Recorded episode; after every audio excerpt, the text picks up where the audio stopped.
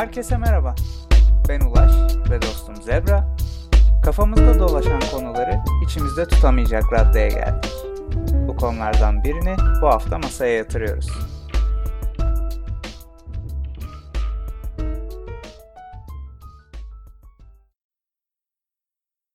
Evet herkese merhaba tekrar. Ee, birazcık tembellik edip yine bu tembelliği affettirmek için de birazcık e, ağır bir konuyla, heyecanlı bir konuyla yapalım istedik. 10. bölümümüzü ilk onu devirirken bu hafta gelişim teorileri üzerine konuşmak istiyoruz. Doğru değil mi? Gelişim teorisi demek herhalde E, gelişim, Gelişime kalkınma. kalkınma. Ee, bu konuda biraz e, işten bugüne neler öne sürülmüş, kalkınmanın e, bayındırlık politikaları nasıl e, etkin bir şekilde yürütülür noktasında dünyadaca ekol var. Farklı farklı yarışan, rekabet eden görüşler oldu. E, bizim gibi gelişmekten ve bu ligden de çıkamayan ülkeler için de hep gündem konularından biri oldu. Bu anlamda da ilgileceğini düşündüğümüz bizim de ilgimizi bu yüzden belki daha çok çeken bir konu. Ee, öncelikle sen ne dersin bu bayındırlık politikaları, gelişme teorileri birden fazla. Hani şöyle bir Evet. özetle belki neler var, kim nasıl gelişeceğini, doğru yolun ne olduğunu savunuyor. Bir kısa ekollerden Yani bahsedelim. aslında Buyur. aslında bu e, kalkınma literatürü işte bugün gelişmiş olarak adlandırılan e, ülkelerin gelişim süreçlerine kadar geri götürülebilir ama bugün aslında bizim e, bu bölümde asıl odaklandığımız işte gelişmekte olan e, olarak tanımlanan ülkeler olduğundan e, bu ülkelerle ilgili e, ortaya konan stratejiler veya teorilerden e, bahsedelim diye düşündüm. E, tabii bu da işte soğuk savaş sürecine kadar götürülebilir. E, bu, bu süreç tabii iki kutuplu e, dünya sisteminde işte bir tarafta Amerika Birleşik Devletleri, bir tarafta Sovyetler Birliği. E, bunların bir e, mücadelesi bu iki gücün. E, ve bu süreçte üçüncü dünya olarak adlandırılan ve işte bu dönemin e, mücadele sahası aslında olan e, ülkelerle ilgili bir e, kalkınma e, literatürü de ortaya çıkıyor süreçte. Tabii e, başlangıçta modernleşmeci e, teori olarak adlandırılan e, az gelişmiş ülkelerin sosyal, işte kültürel, ekonomik anlamda e, gelişmiş e, ülkelerin özelliklerine sahip olması süreci anlamında ele alıyor kalkınmayı. E, tabii bu bakış açısı da kalkınmayla aslında batılılaşmayı e, bir anlamda eş anlamlı e, görüyor. Aslında bu görüş böyle söylediğin zaman yani biz e, Soğuk Savaş'tan başlattık. Bir yer başlamalıyız diye mantıklı da hatta ama hani bu batılılaşma ve e, modernleşmeyi e, batı kültürüyle e, benzeşmek şeklinde ele alan görüş yani sömürgeci anlayışın bir devamı gibi bir yandan kulağa öyle tınıyor, tınısı geliyor yani. Ne dersin? Tabii yani şöyle işte e, dediğimiz gibi bu iki kutuplu dünyanın e, çatışma sahasında bir e, kültürel, ideolojik ve ekonomik bir e, hegemonya e, işte sosyalist yayılmanın engellenmesi adına bunu pekiştirecek bir e, bakış açısı geliştiriliyor. Ya öncesinde de Hristiyanlığı götürüyordu ya hani e, Afrika'ya ve işte e, Güney Amerika'ya diyelim. O dönemde de aslında Batı medeniyetine götürerek bir medeniyet transfer, ihracı e, iddiası vardı. O anlayışın devamı gibi. Ama modernleşmeci teoriyle ilgili akıbet ne oldu ve başka neler var? Bu teoriye karşı daha eleştirel işte e, teoriler de gelişiyor.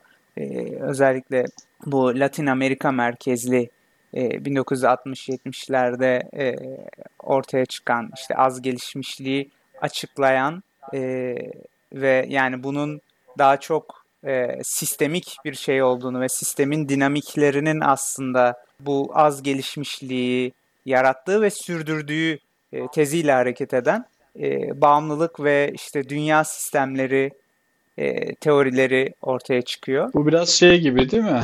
Örnek vermek gerekirse e, bu sürdürülmesinin hikayesi Latin Amerika plantasyonlarda ham maddeyi yarı mamülü sağlıyor ama o ülke ekonomisi e, mamule yani işlenmiş bitmiş ürüne ihtiyacı var. Bu teknoloji onda yok. Bunu da ithal etmek zorunda.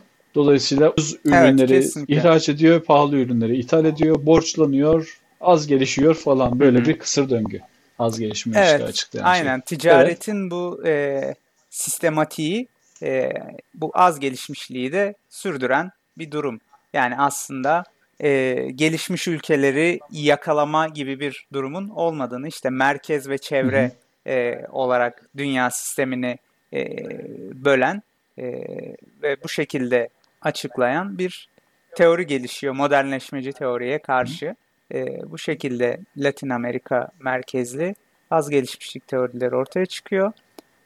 Tabii 1980'li yıllara gelindiğinde de e, işte bu neoliberal dediğimiz politikaların e, zemin kazandığı, işte kapitalizmin yaşadığı bir krizden sonra aslında e, bir çıkış formülü olarak neoliberal politikaların Washington uzlaşması e, denilen bir ne diyelim politikalar Anlaşma. setiyle e, hayata geçiyor ve bu şekilde kapitalizmin krizi aşılmaya çalışıyor ve aynı zamanda e, bir yeni bir ayrışmayı da kalkınma ile ilgili ortaya çıkarıyor. İşte neoliberal ve e, daha ulusal devletçi, neostatist diyebileceğimiz e, politikalar anlamında e, bu süreçteki uygulanan e, kalkınma stratejileri de farklılaşıyor. E, burada tabii e, gelişmekte olan ülkelerde e, Latin Amerika ve Asya örnekleri e, biraz çarpıcı bulduğum örnekler benim. Zaten genelde de e, karşılaştırmaları da yapılan, e, üzerine de konuşulan e, örnekler aslında. E, bu iki farklı eğilimi görebiliyoruz e, Latin Amerika'da ve Asya'da. Nasıl görüyoruz? Latin Amerika'ya baktığımızda bu Washington Uzlaşması dediğimiz, Washington Konsensüs dediğimiz e, neoliberal politikaları benimseyen bir e, çizgi mevcutken Asya'da ise e, daha e, devletin dahil olduğu daha planlı ulusal ekonomiler mevcut. E, burada 80 sonrası süreçte baktığımızda hani son, e, bu stratejilerin sonuçları itibariyle de farklılaştığını görüyoruz. E, yani büyüme rakamlarına baktığımızda Latin Amerika'nın e, Asya ülkelerinin gerisinde kaldığını söyleyebiliriz 1980 sonrası süreçte. E, aynı şekilde yine gelir eşitsizliğine baktığımızda da e, Latin Amerika'daki gelir eşitsizliğinin gittikçe e, bozulduğunu görüyoruz bu süreçte. Evet yani e, burada hatta rakamlara dökersek e, en zengin %20'lik dilimle yüzde en yoksul %20'lik kesim arasındaki oran yani e, Latin Amerika'da 10 e, katın üzerinde bir ortalamayla seyrediyor. Evet. E, Asya ülkelerine baktığımızda ise yani ortalama 5 e, civarında sütunları daha çökmek mümkün. Hatta yani Bolivya, Kolombiya örneklerinde hatta Brezilya örneklerinde 20 kata kadar bu gelir dağılımı eşitsizliği var. Yani aslında tabii bu sonuçları getiren süreci incelediğimizde de bazı faktörler var. Her e, bölgenin, her iki bölgenin de ayrı ayrı e, farklılaşan özellikleri var. Bunlar tabii az önce senin de bahsettiğin işte o ticaretteki kompozisyon daha ham maddeye dayalı veya daha mamul maddeye dayalı gibi bu tip farklılaşmalar var. Bunun dışında da bir takım e, etkenler var. Onlara gelirsek de mesela iç tasarruf faktörü var. E, bu Asya'da e, yüksek düzeyde iç tasarruf ama Latin Amerika'da aksine düşük e, düzeyde iç tasarruflar var. Yani bu sadece toplumsal bir eğilim mi, profil mi yoksa bir başka nedeni var mı? Dışsal bir nedeni var mı? Tabii dışsal faktörler de olmakla beraber çeşitli ekonomik ve demografik e, faktörler bu iç tasarruf oranını belirliyor. İç tasarruflarının düşük olması e, dışarıdan sermayeye bağımlı bir hale getiriyor e, aynı zamanda ülkeyi. tabii bu Latin Amerika'da yüksek olması Latin Amerika'nın da dış sermayeye bağımlılık oranını yükseltiyor dolayısıyla. Tabii şimdi doğrudan yabancı yatırımları da etkiliyor bu e, iç tasarrufun yüksek veya düşük olması. Neden?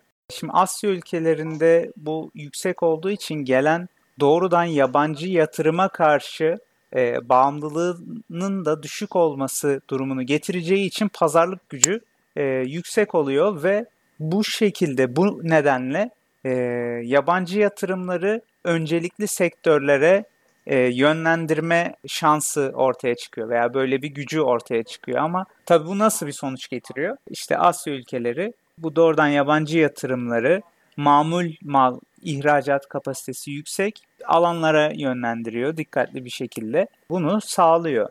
Dediğimiz gibi Latin Amerika ülkeleri ise küresel ekonomiye daha bağımlı, düşük iç tasarruf oranlı e, ekonomiye sahip ve ihracatı da e, düşük katma değerli ürünlerde yoğunlaşmış.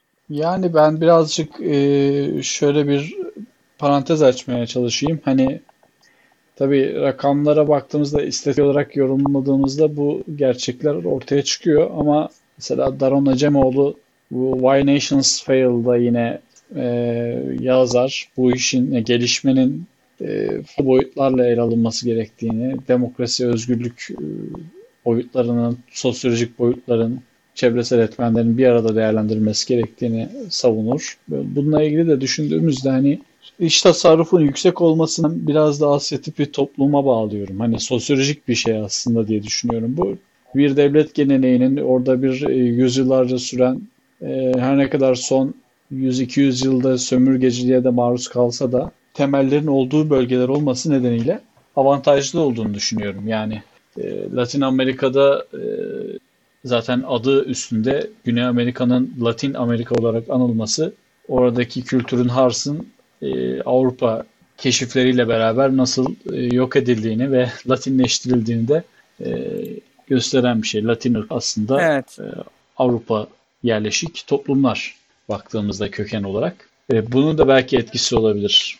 Ve Asya daha böyle otokratik e, bir e, stabilite de gösteren bir şey. Mesela Daran Acemoğlu demokrasiyle gelişme arasında bir denge kurmaya çalışır. Mesela demokrasinin e, ekonomik gelişmeyi hızlandıracağı, ivmelendireceğini söyler. Bunu da Brezilya örneğiyle açıklardı. Gerçi şu anda ha, o kitapta böyle açıklıyordu ama e, Lula sonrası Brezilya'nın yaşadığı sıkıntıları gördü. Yani bugün görme şansı var da şu an nasıl yorumluyor bilmiyorum tabi.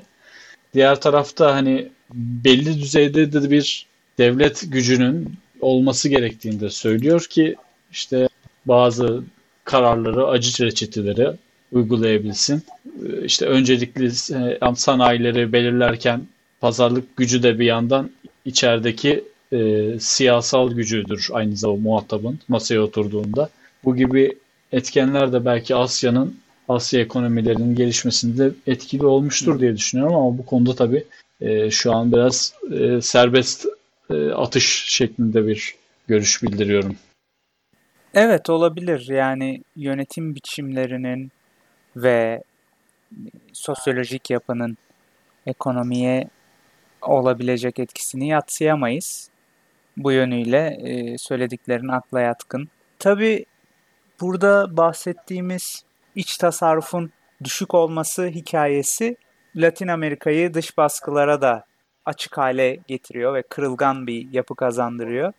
Özellikle bu 74'teki petrol krizinden sonra e, ciddi bir dış borç stokunda artış yaşıyor bölge. Ve işte Meksika'da yaşanan finansal kriz e, sonrası da dış borcu yüksek Latin Amerika ülkeleri e, bir dış finansman sorunuyla karşı karşıya kalıyor ve bu süreçte e, bölgeyi IMF ile karşı karşıya bırakıyor. Bu tip kurumlar aracılığıyla da işte yapısal uyum adı verilen programlarla ekonomileri şekillendiriliyor. Tabi bu yapısal uyum hikayesi de aslında bölgede büyümeyi değil, e, sağlanan borcun e, geri ödenmesini garantilemeye e, çalışan bir e, politika seti diyelim. E, dolayısıyla önceliği yine e, bu ülkelerin kalkınması olmuyor. Peki yani şimdi şöyle bir kefeye koyduğumuzda yani sonuçta modernleşmeciler zaten e, tarih onları eledi. Yani bu batı benzeyerek gelişme olmazı Çin örneği, Hindistan örneği e, hatta işte Brezilya örneği aslında göstermiş oldu. E, onun dışında bunu rafa kaldırdılar dönüşe göre. E, bu az gelişmişlik yapısaldır. Buradan çıkış yok. Bu zaten sistemi kendini üreten bir şeydir. Dar gelir tuzağı gibi bir şeylerle buluşabilecek teori de aslında yine bugün dünyanın en büyük ekonomilerinden biri olan Çin'in hikayesiyle bu da istisnası en azından gözümüze çarptı. Şimdi tartışma daha çok neoliberalizm ve neostatizm arasında alevli bir tartışma devam ediyor. Bir de ithal hikamesi hikayesi var. Hı hı. Bu hikayeyi mesela yine Asya tipi ülkeler çok iyi yapmış başlangıçta. Evet. Sonra da e, e, şey daha değerli malların da üretilmesi için e, ortamı da oluşturabilmiş. O gerekli yetenek setini de yakalayabilmiş ve kalkınmış gibi görünüyor. Bunu yapabilen, yapamayan var. Zaten hikayede bu. Güney Kore nasıl gelişti? Yani bizde de Türkiye için de en büyük karşılaştırma odur. Hani 80'lerde biz onlardan görece daha iyiyiz GDP açısından. Ama şu an fark onların lehine açılmış durumda. Hı hı. Yani tabii bu e, İtali ikame İtali ikamesi dediğimiz strateji de e, aslında yekpare bir şey değil. E, baktığımız zaman Latin Amerika, Asya İtali ikame süreçlerine baktığımızda orada da farklılaşma görüyoruz. Yani e, iki tarafta da uygulanmış politikalar belli şekilde sonuçlar da alınmış ama yine de bir farklılaşma var. Nasıl bir farklılaşma? İşte e, daha katma değerli ürünlerde ürünler üzerine yoğunlaşma veya işte daha az e, getirisi olan e, ürünlerde yoğunlaşma. Burada Asya örneğini ilk söylediğim gruba alabiliriz. E, burada izlenen, Asya'da izlenen ithal ikame e, stratejisi e, daha katma değeri yüksek ürünler üzerinden izlendiği için daha başarılı sonuçlar e, vermiş gibi görünüyor. Dolayısıyla orada da bir ayrımdan söz etmek mümkün. Valla ben tam kararı verdim burada. Hangi strateji mesela hani sonuçta biz bunları tartışıyoruz bize hocam bunu gerçek hayatta kullanacak mıyız? noktasına geldiğinde işte. Yani o zaman bir tarafımızı seçeceğiz diye düşünüyorum. Yani Hodri Meydan. Şöyle bir önerim var. Evet. Demokrasi 3 diye bir oyun var. Bu hatta okullarda işte diplomasi, demokrasi dersleri için bir kaynak olarak da kullanılıyor. Böyle de güzel bir altyapısı var. İşte üçüncüsü olduğuna göre bu demek ki biri ve ikisi de var. Tutmuş üçüncüsünü yapmışlar. 2016'da çıkan versiyonunda bir meseleyi irdeleyelim. Şimdi sen o kadar Aa, anlattın attın tuttun Ben sana diyorsun. vereceğim. Hikayeyi geç. Şimdi 2010 yılından başlayalım. 2010 yılı küresel krizin tam çıkış yani 2008 krizinden çıkış noktası. Tekrar toparlanmış bir ekonomide seni Türkiye'yi yönetmeyle baş başa bırakacağım. 81 milyon nüfus var. Ben şimdi hatta ekranı paylaşayım. Şimdi sen ne diyorsun sonuç olarak? Devletçi politika mı? Ee, şey mi? Liberal mi? Gelişmenin anahtarı nerede yani? Liberal e, uygulamaları zaten e, sıkça görüyoruz. Bir de alternatifini e, simüle edelim bakalım onda nasıl sonuç alacağız. Tamam o zaman e, ben hikayeyi biraz şu an ekranı paylaştım. Dinleyenler için anlatayım. Ortalama 73 yıl. Gini katsayısı 40. Kişi başı gelir 19 bin dolar diyor ya. Biz bunları gördük mü? Oyunun gerçekliğinden şu an bir şüphe ettim. Biz bu kadar zenginleşmedik hocam. Yoksulluk %17 seviyesinde 17. en büyük ekonomisi. Bu doğru. Neyse. daha zengin bir ülkeyle başlıyorsun. Neredeyse gelişmiş bir ülke bak. Bunun da kıymetini bil. Avantajlı başlıyorsun. Evet. Şimdi o zaman Par- ben partini e, seç. stratejileri tekrar gözden Evet en son Kılıçdaroğlu'nun da bu e, yeni devletçilikle ilgili bir bildirisi olmuştu. E, hikayemizde de paralellik içermesi açısından ona referansla CHP'yi seçelim o zaman. Tamam. Başlıyoruz. Diğer ayarlarla oynamıyoruz. Hadi. Hadi Şimdi bakalım. Hayırlısı. Başbakanlığın hayırlı olsun öncelikle. Ben gerçi 2017 yani. ben de başbakan olamam ki ya şimdi yani. Böyle bir ya, me- meydan okudum o zaman bana üst akıl ol. Başbakan, hani başbakan olur. tamam. Sonuçta burada önemli olan politikaları yönlendiriyorsun şu an. Evet, tebriklerimizi aldık. Göreve başladık. İlk gün hayırlı olsun. Bütçe böyle. Şu an şu an bir 40 milyar dolar, pardon 40 milyar lira bir açığımız var görünüyor. Ee, demokrasi oyununu Demokrasi 3 oyununu bizi dinleyenler açıp biraz aşina olabilir. Buraya geri dönün. Bir bakın hızlıca. Ama ben şu an e, Ulaş'ın kapitalistler, liberaller, fakirler yani yoksullar tarafından desteklenmediğini net söylüyorum. Zenginler de pek bizden yana değil. Gençleri de kazanmış değiliz. İşimiz zor yani. Popülarite biraz düşük. Evet sorunlarımıza bakalım veriyor. o zaman. Hayırlısı. Neyse 5 5 yılım var. Aynen hemen sorunlara gelelim. Şimdi kabinemiz de bu. Sorunlar bir next diyelim. Bir çevrim şöyle bir ayağımızın tozuyla ulufe dağıtalım. Gelsin bize. Evet. İzleyelim ülke ne yapıyor. Evet ilk çeyrekte bir pik var. Gelirler yine düşük. Harcamalar yüksek. Kredi puanımız C. Şimdi bakalım. evet. Ülkede sorunlar şöyle. Bir kere etnik karışıklıklar var. Silahlı sorunlar var. Gettolar var. Alkol problemimiz var. Salgın hastalık var. Sağlık tarafında. Astım epidemiği var. Doktorlar greve gitmiş. Ekonomi çok rekabetçi değil. Dış dünyayla rekabet edemiyoruz. Teknolojimiz geri kalmış. Kirlilik fazla. Evsizlik var. İyi şeyler de var. Ben kötü sorunları e, biraz söylemiş oldum. E, Şimdi politika olarak ne yaparsın? İlk nereye dokunacaksın? Hemen açsana bir. Evet. Şimdi güncel bir hassasiyetimiz de oluştuğu için e, salgından bahsettin, doktorların grevinden bahsettin. Doktorların e, problemi neymiş onunla ilgili bir aksiyon alalım istersen. Tamam hemen kalın. Şimdi doktorların aksiyonu şu olabilir. Bir kere bilimsel yatırımları arttırabiliriz. Şu an 22 milyarlık bütçemiz var çeyrek başına. Bunu arttırabiliriz. Ama başka ne yapabiliriz bakalım. Bir kere şöyle bir şey yapabiliriz. Ee, harcama bütçemizi arttırabiliriz sağlık tarafına. Ee, kamunun sağlık servislerini arttırabiliriz veya Yani bu grevin e, şeyine bakamıyor muyuz? Neden kaynaklanıyor yani? Neden kaynaklanıyor bakalım. Bir şey diyor mu? Neredeydi o? Grev burada. Şimdi grevin nedeni işsizlik olabilir, e, sağlık harcamaları, bütçe kısıtları olabilir Hı hı. kamu tarafında. E, Bir de iş kanunu, işçi kanununda bir şeyler kötüye gidiyor olabilir. Burada labor law'su biraz bizim mevcut durumda çalış işveren yana olduğu görünüyor. Bak pro employer yazıyor. Hı hı. Bunu birazcık şöyle Evet, biraz esnetelim. dengeli hale getirebilirsin. Böyle yapıyorsun o Hı hı. zaman. Esnettik. Evet. Tamam. Evet, şimdi bunu yaptık. Başka? Hı hı. Şu an 27 Ee, tane 27 puanımız daha var. Harcamalarla ilgili yine e, salgın durumu da var. Evet, Sağlık harcamalarını e, arttırabiliriz. duralım. Azıcık kaçmış? 83'müş. Bir 95 yapalım mı? Yani Ne kaç 90, yapalım? Tamam, 95. yapıştır. Tamam. Şimdi o zaman kaç kalmış? 9. 9'a da bir şey patlatmak ister misin? Kriminal durumlar da vardı galiba. Evet, kriminal durumlar için bir kamera ağımızı arttırabiliriz istersen.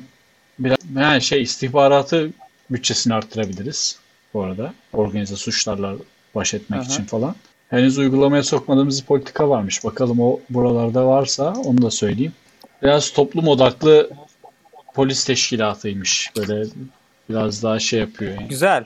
Ku- ku- kulağa e, hoş geliyor sanki. Toplum Bu bak odaklı implement- bir, implementation e, time 5 hı hı. quarter. Bunu implement yani edelim. biraz e, özlemlerimizi de içeriyor yani.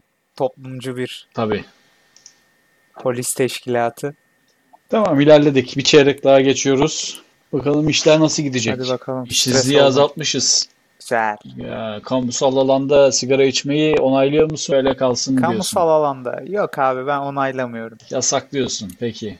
Ekonomi gene atak Evet. yapıyor. Bizim borcumuz da artıyor bu arada. %12'ye çıktı enflasyon. Faiz daha da borcun faizi. Ona bir müdahale etmek gerekebilir.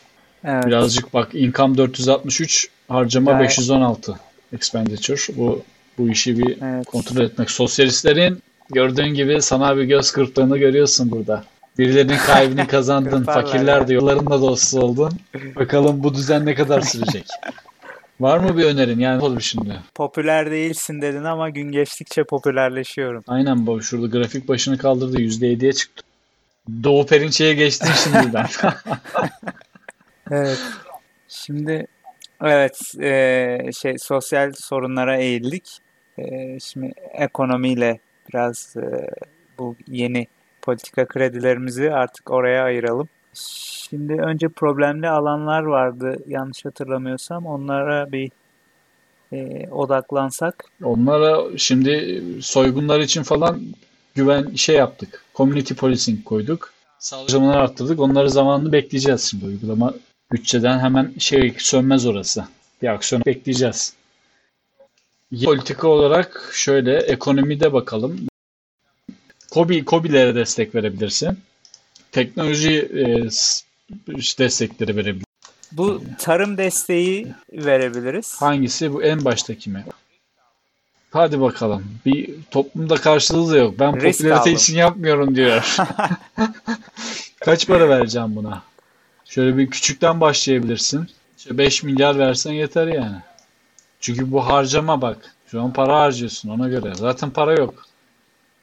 Evet yani çok Alacaklar eee, dayanır. zorlayacak Evet. düzeyde değil ama e, tamam. Şimdi şeye de teknolojiyle ilgili bir e, seçenek gördüm orada. Buna da veriyorsun. Ha, 5 milyardan 22'ye kadar ayırabiliyorsun. Evet yani şeyi de bilmediğimiz için Ya ufaktan ne başlasınlar o zaman yani. Ne lazımsa. Çocuklar ufaktan alsın ufaktan bir girelim ya öyle 3-5 ateşle yani. Hadi bakalım. Bakalım bu bütçe ne kadar götürecek bizi. Ulaşım. Sağlık. Sağlık başını kaldırdı helal olsun. Evet. İyiye gidiyoruz. e, İşsizlik bir işsizlik stabil de oldu. Yani burada bakıyorum kabinede desteğin fena değil. Şöyle kabine bakalım. Kabine arkanda. Kemik gibi kabinem var. gü- güçlü irade. İyi gidiyor, iyi. Böyle bakalım. Bu, bu önemli. Bak buraya müdahalen çok kritik. Yani race riots dediği bu sokaktaki gerilim, etnik gerilimler sönmüş biraz. O önemli. Bayağı çıtayı aşmışız çünkü zamanında. Gettolar, Gettolar da başını eğmiş. Güzel gidiyor. Orada da toparlayacak. Müdahalen yerinde oldu. Bravo başkan. Yani iş, işsizlikle ilgili e, problemleri var gibi görünüyor. Bir daha o ekranı açabilir misin? Bu Bakalım mu? neymiş Şey, dertleri. bakalım. Evet. Sorunlarına bakalım. Çözüm bulmaya çalışalım yani. Sorun biraz şey ya. Şu olay olmuş ya. Sweet Shop skandal. Neymiş bu? Bakalım o Adımız bize geldi bu skandallara mı hafta. karıştı yoksa? You might have other Sweet Shops where things... Bu ne ya? Sweat neymiş abi? Ha bu şeymiş ya. Bizim tekstil sektöründeki işverenlerin e, işçilere verdiği para maaşlar Ha. çok düşükmüş. Özellikle de böyle azınlardan çalışanlar hani böyle yanık türküler okuyanlar çok düşük maaşlar alıp ağır koşullarda çalışıyorlarmış. Evet. Burada sendikalar işveren sendikasıyla çözmüyor muymuş sorununu? İşte güçlendirmen lazım. Aslında bence çalışma kanunu da verdik biraz onlara doğru ama istersen bir müdahale edelim. Bilmiyorum. Ee, bir yok bir, bir müdahale edelim ya. Şaka yaptım. Bizde öyle bir e, mevzu oldu ya geçenlerde. İşçi sendikası ile işveren sendikası çözsün bu meseleyi diye. Ha. Tamam şöyle o zaman burada birazcık daha Kantar'ın topuzunu şeye sendikalardan yana mı yapalım yoksa dengeli mi olsun biraz daha? Diyorsun. Ne kadar Ee, sosyalistsin. yani sendikalardan yana yapalım. Haydi bakalım yapıştırdık. Yapabiliyor muyuz? Yapabiliyoruz. Zaten başka da bir şey yapamıyoruz galiba. Yani politika kredimiz bir şey Aynen. kalmadı. Hadi gene kıramadın politikacıları. Yine Süleyman Çelebi'nin yüzüne bakıp sana para yok diyemedin. Tamam verdin. Hocam gelir gider Evet. tablosu böyle. Bizim giderimiz gelirimizden fazla. Faizler çok Hı hı. stabil gidiyor, artmamış ama iyiye de gitmiyor yani bir anlamda. Borç artıyor yani lineer bir şekilde. Haberin olsun. GDP de biraz başına eğdi. Bakalım ne olacak. borcumuz GDP'nin iki katına yakın oldu. %174. Yani daha çok e, yatırımları e, teşvik edecek. Hı hı. Şu var. E, küçük COBİ'lere destek var. E, kırsal gelişim hı hı. E, destekli teşvikleri var. E, bu da 27 şey yapalım ya, COBİ'leri destekleyelim. COBİ'leri destekliyorsun. Peki. 470 milyondan 23 milyara kadar destek şeyin var şu an. Meclise getirebileceksin. Ya low mu, medium mu, high mu öyle söyle. Aa, yani medium, medium olsun ya. Şöyle. Senin için bütçeyi de çok zorlama diye kantarın topuzunu ayarlamaya çalışıyorum. Tabii yani biraz şeye de ihtiyacım var. Danışmaya. E, harcamalarımızdan da kısarak da bir yöndür, yöndür yani. Hatırlatmak için söylüyorum. Hı hı. Mesela emeklilik fon şeylerini, giderlerini kısabilirsin. Maaşlarını. Devlet okullarına bütçe veya askeri harcamaları kısabilirsin falan evet, filan. Şimdilik bence o topa girmeyelim. Vergiler, yeni vergiler koyabilirsin falan filan. Bakalım. Yol harcamalarını arttırabilirsin. Arttırıyor musun? Bir şey yapmıyorsan tekniği ilerleyetelim yani. Yürüsün gemi. Tamam. Ee, bir sonraki çeyreği görelim bakalım ne olacak. Hadi bakalım. Hala C'deyiz. Kredi notumuz düşmedi, artmadır ama bak makas gelir gider makası açıldı. Borcumuz da %174'tü GDP oranı. Şundan şu an %197. Bu işi Evet. Düşüremiyoruz. Ama global ekonomi de yani pik yapmış durumda. Bu arada kapitalistler, liberaller ve zenginler sana bayağı diş, diş bilemişler onu da söyleyeyim. Çıldırıyor. Dış yatırımla ilgili e, o politika opsiyonunu devreye Tarifeydi mi? Hı? Yo yo. Dış yatırımları çekmek için vardı ya bir tane. Dış yatırım teşviği. Tamam. Onu açayım şimdi. Açabiliyor muyum bakayım bir. Ekonomide aynen. Foreign Investor. Foreign Investor Tax Breaks. Tamam. Peki burada multinational şirketlerin yatırımlarını teşvik etmek istiyorsun. Onlara ne kadar bir teşvik? Yani şöyle bir kritik atalım ya onlara. Bir 15 atalım diyorsun. Yani tamam. Çok Zaten daha bitti bu kadar. Tabii de. Bir sonraki çeyreği görmek zorundayız. Bütün krediyi kullandık. Bakalım. Evet güzel. Borç, borç krizi var. Yalnız tribe girdim ha böyle bir hani oyun oyun oyun da olsa yani. Aynen. Bir tribe giriyor insan ya ben Hocam borç çok kötü. Borca Oo. müdahale etmemiz lazım. Bak çıktı. Oğlum bizi niye diyor lan emekliler? Ne yaptın sen emeklilere? emekliler çıldırıyor bize ya. Kendi işini kuranlar Allah Allah. E, o kadar teşvik verdin. Ama borç var abi. Borç her şeyin. Bu var adamı bitirir. Bak görüyor musun? Neyse. Ne yapıyorsun? Evet. Gelir arttırmak Vallahi, lazım. E, ne var şeyde e, politika seçeneklerinde? Ben derim ki o otoyol ücretlerini arttır. Para topla KDV'de yasla. Ee, diğer alternatiflerimiz ne? Ekonomiye geleyim. Hocam burada bakıyorum Sela okunuyor senin için. Borçlar arttı. Bu kötü oldu bak. Bir işaret mi? Yoksa suikaste mi kurban gideceğim mi? Ya şöyle bence teknoloji eğitimi destekleyebilirsin. Ya, ya eğitimi etrafı. destekleyelim de ekonomiyle ilgili de adım atmamız iyi olur. Ekonomiyle ilgili bakalım, bakalım ne yapabiliriz. Ekonomide yapabileceklerin şöyle abi. Bu ne? Labor laws var. Teknoloji grants var. Bunu arttırabiliriz biraz daha. Hadi biraz parayı ama bunlar hep ödeme yani. Hep arttırıyor sadece. Zaten yeni devreye aldık. Bir görelim belki de şey olacak, toparlayacak yani. Hocam seni nedense muhafazakarlar çok yiyor. Onu da anlamış değilim yani. Sosyalist geçiniyoruz ama CHP'yi halkla barıştırdın ya. Yalnız evet sosyalistlerin de desteği artmıştı. Muhafazakarların da arttı. İyi bir şey yani. Demek ki aslında çok çekmiyor bu politikalar. Evet. Birlik ve beraberliği sağladım galiba. Ee, sansür mansür diyor. Ee, onlara şey yap ya. Müdahale edelim onlara. Ha. Ne yapalım? ekstrem durumlarda müdahale edilsin. E, kaldıralım tabii sansür Tamam, olmasın yani. Radikal bir şekilde öyle bir şey yok. İsteyen çocuklar VPN'siz porno izleyebilsin. Yani Ekonomiyi toparla hocam. evet o Fikir sende. politika seçeneklerini görelim yine. Yani mevcut politikalarda değişiklikler yapabilirsin. Vallahi işte düşünelim. Aklına gelen bir fikir varsa politikalarımız bunlar.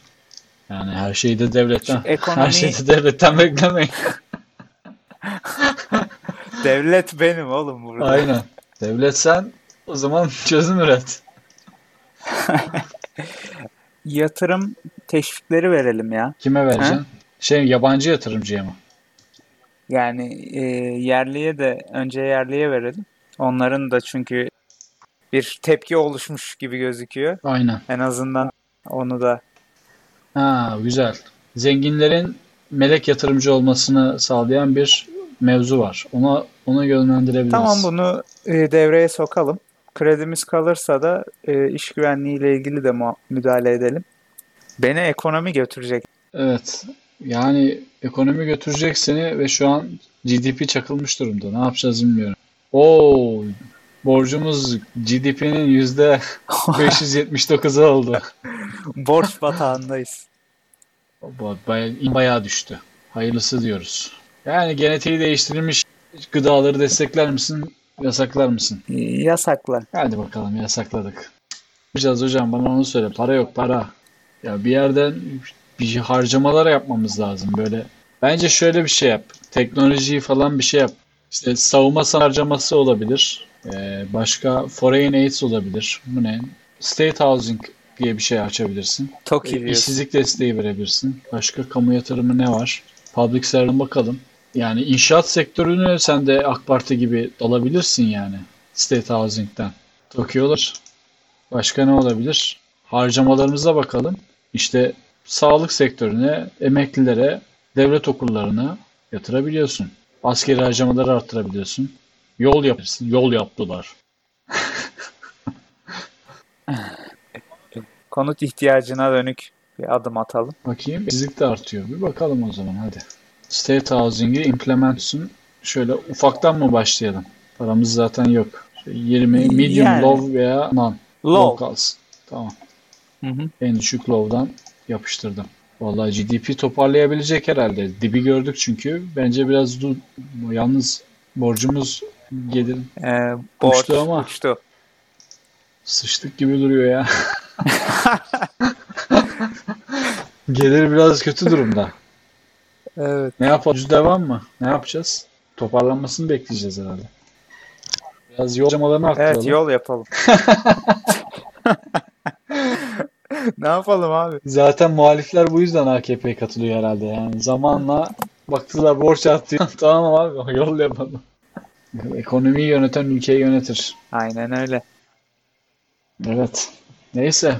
Aynen bak işte suikast. Öldürememişler seni. kimseden korkumuz yok. Bak bir tane otomobil fabrikası iflasını açıklamış. Batsın mı kurtaracak mısın? Kurtar abi. Kurtar. İşvereni, işvereni kurtaracaksın tabii bu arada yapacak bir şey yok. Evet kurtaralım.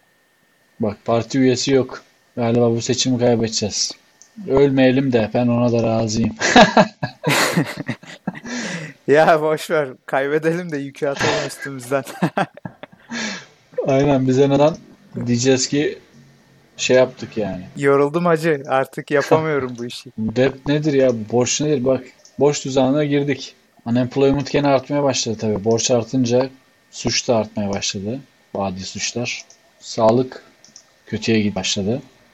Bir tane aa, bir tane daha bir suikast girişimi olmuş. Borcu döndürmek zor. Bu borç borç iyice arttı gitti. Ne yapacağız bilmiyorum. Erken seçim abi. Gidemiyoruz. Yok mu? Gidemiyor muyuz erken seçime?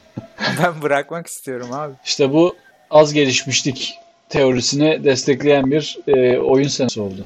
Evet. Geldi seçim günü. Ezici bir sonuçla hocam 81 milyon bu kadar oy kullanan mı var ya? Muhalefet. Aynen. Bakıyoruz abi döneminde sağlık 20 artmış. Yani sağlığı toparlamışsın, suçu bitirmişsin, şiddetli suçu bitirmişsin. Eğitim kötü olmuş, eğitime pek önem vermemişsin. Çalışma haftasını inanılmaz iyileştirmişsin. Tam bir işçi dostu politika. Eşitliği arttırmışsın. Beşte bir oranında. Tekli alanında ilerleme olmuş. Çevreyi çevre alanında ilerleme olmuş. Böyle. Aa şeyi göremedik. Politikalarımızın nereye kaydığını da gösteriyordu. Neyse onu da artık bir dahakine alırız. Bu sefer olmadı. Evet yani iyi niyetli bir denemeydi ama demek ki işin rengi öyle değilmiş. Ben yine de dönemini romantizm ve güzel anılarla hatırlayacağım. Çünkü güzel politikalar da oldu ya. Yani varsın gelişmeyelim ya. yani evet. Önemli icraatlara imza attığımızı düşünüyorum. Ama tabii bir ekonomik orta gelir tuzağı, bir borçluluk. Doğru evet. kötü abi bu. İşte bizim gibi ülkelerin sınıfımızdaki ülkelerin en büyük derdi borç. Evet dostlar biz denedik. Yani ben başarısız bir deneme oldu. Ama öğreniyoruz. Bir dahaki seçimde bir daha görev gelirse. İktidara geleceğiz. diyerek gelişme teorileriyle ilgili bölümü de böylece toparlamış olalım. Sonunda da bir oyun ekleyip e, bir tatlı bir simülasyon test etmiş olduk.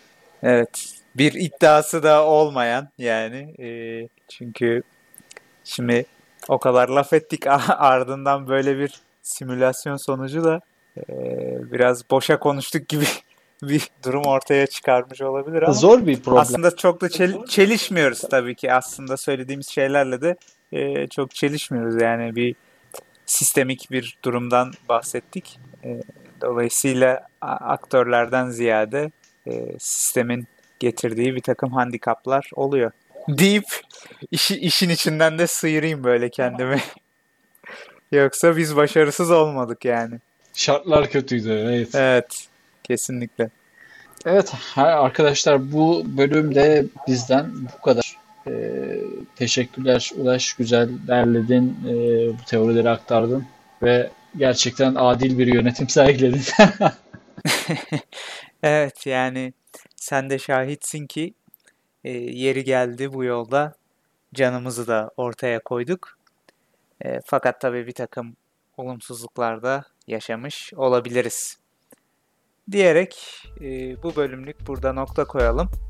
Bize Oradde Podcast Instagram hesabından ulaşabilir, yorumlarınızı bizle paylaşabilirsiniz. Bir sonraki bölümde görüşmek üzere. Şimdilik hoşçakalın.